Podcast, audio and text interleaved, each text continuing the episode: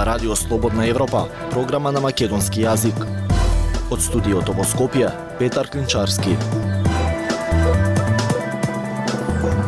Во денешната емисија објавуваме пораки за европскиот пат на Северна Македонија од Брисел, без уставни измени државата во опасност да биде изолирана. Големите успешни компании се противат на предлогот да плаќаат данок на солидарност. Државата ги опари партиите, кои партии добија пари од буџетот. Сведоштва на украински жени, каков третман добиле во руски затвор. Слушајте не. Независни вести и анализи за иднината на Македонија. На Радио Слободна Европа и слободнаевропа.мк.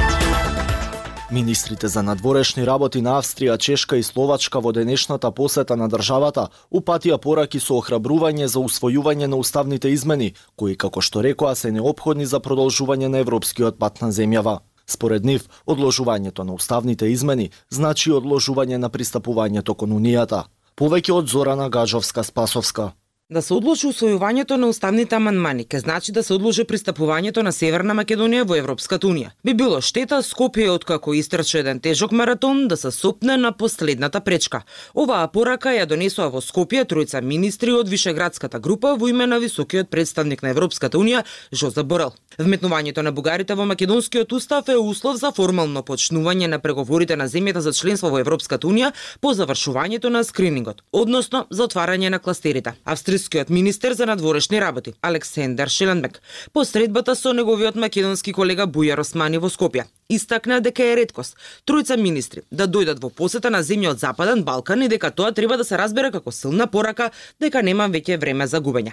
Ако не ги прифати уст, уставните измени и а, него не продолжи да оди кон европскиот пат, Северна Македонија се сочува со опасната опасноста да биде изолирана. М сега ви останува вам да го искористите овој момент да се е, треба политички да се биде одговорени да се имаат националните интереси е, пред се, а не партиските е, интереси. За донесувањето на уставните измени во собранието е потребно двотретинско мнозинство во 120 члени од парламент, кое актуелното владеачко мнозинство сега го нема.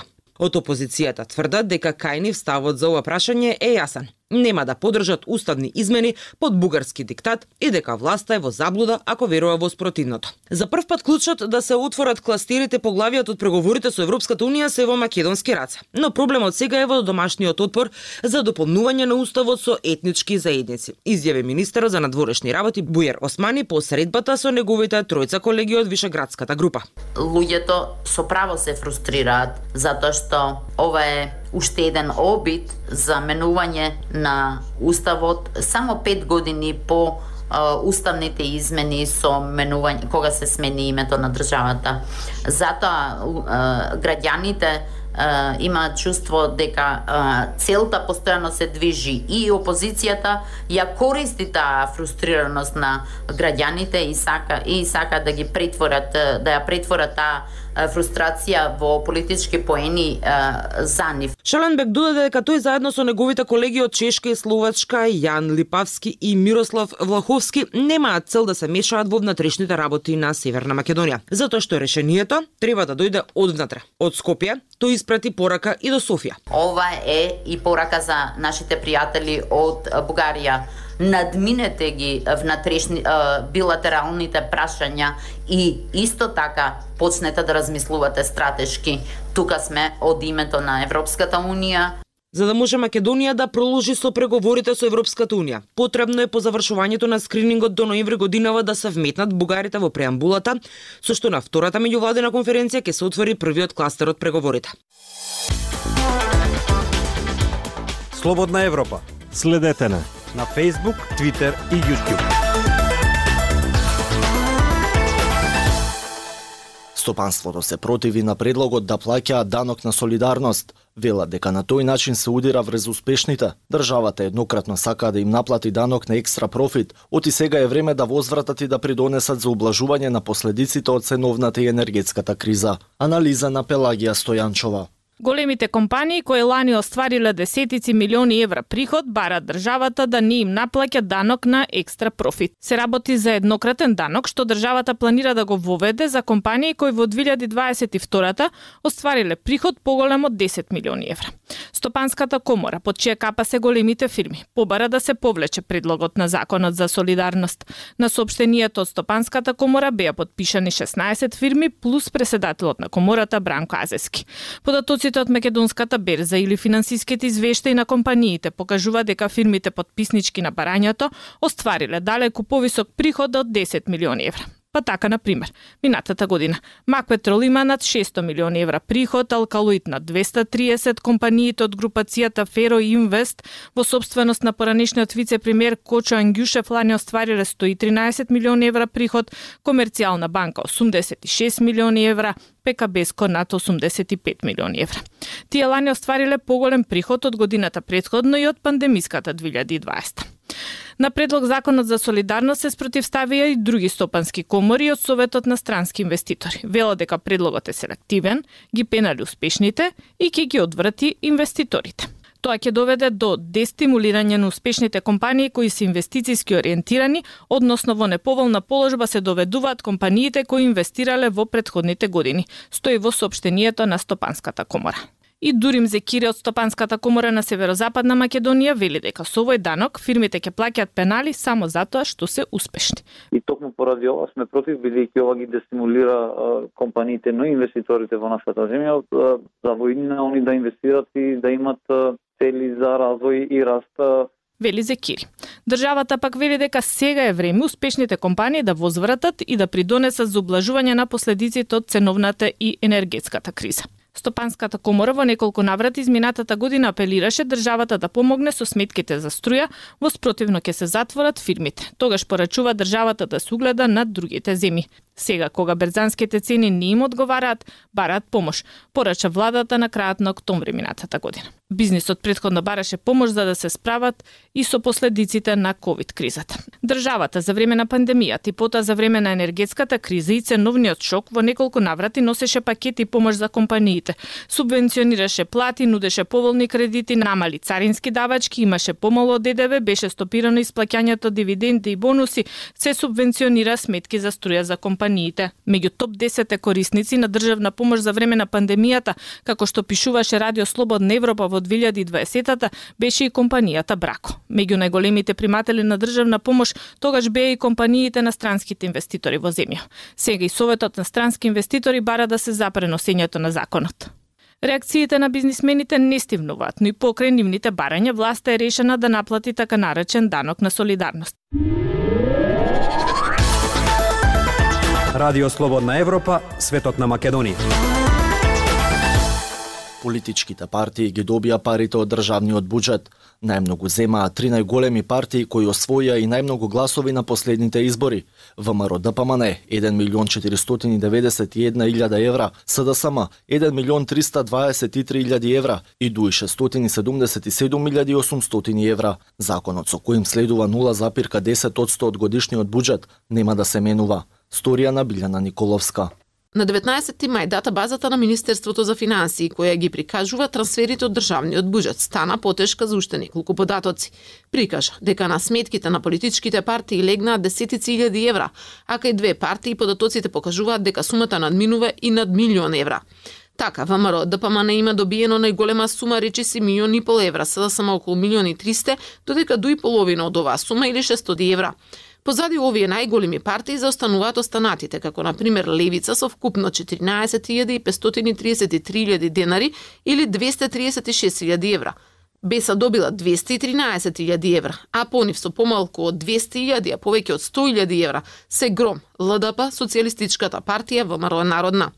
Тоа се пари кои секоја година граѓаните ги даваат за партиите кои според законот за финансирање на партии освоиле барем 1% гласови од вкупно излезените гласачи но според истиот закон, овие партии не добиваат исто пари, бидејќи оние кои освоиле повеќе гласови на последните избори пропорционално добиваат и поголем дел од колачот. Така пропишува членот 10 од овој закон. Седум помали партии чии представници граѓаните се поред кои ги гледаат во политичките кампањи, исто така сепак добиле граѓански пари. Тоа се оние кои привлекле над 1% од излезените гласачи, но немаат никакви представници во централната и локалната власт.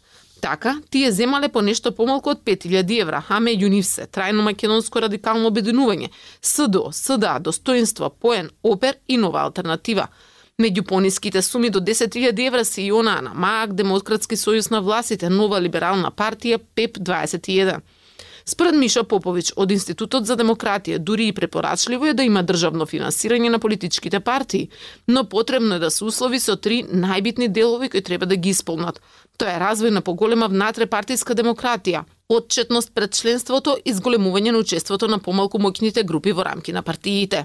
Јас сметам дека финансирањето на политичките партии на вистина треба да биде предмет на, на интерес не толку од сумата, а од позиција на дали дали се даваат премалку или прем, премногу пари, туку на вистина не наблюдување на внатрепартискиот живот да се кризаат индикатори кои што ја оценуваат внатрепартиската демократија и врз база на успеси што овие политички партии ги имале или би ги немале во зголемување на, на таквата состојба, да зависи и степенот на финанс, државно финансирање. Трансферите до партиите ги врши Министерството за правда, во чиј буџет секоја година се предвидуваат средства во ставка со наслов Пари за невладени организации. Сегашниот министер за правда Кринар Лога нема иницијатива за законски измени. Потребна е широка дебата и консензус за промена на некои одредби од законот, велат за РС од Министерството за правда.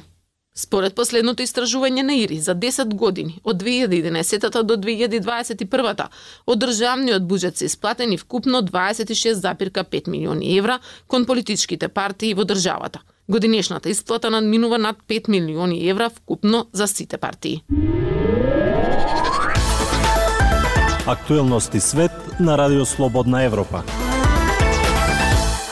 тепање и живување закани. Ваков третман добиле украинките Викторија Андруша и Людмила Хусејнова во руските затвори. Украинските власти проценуваат дека повеќе од 25.000 украинци моментално се држат во руско заробеништво, од кои некои во Донбас и Крим се држани уште многу пред целосната инвазија во февруари 2022 година. Повеќе од Марија Тумановска. Три дена од како руските сили се префрлија преку границата во Украина, движејќи се кон главниот град, Викторија Андруша, 26 годишна наставничка по математика и компјутерски науки, им помагаше на нејзините родители кои живееја во село на околу 90 минути источно од Киев.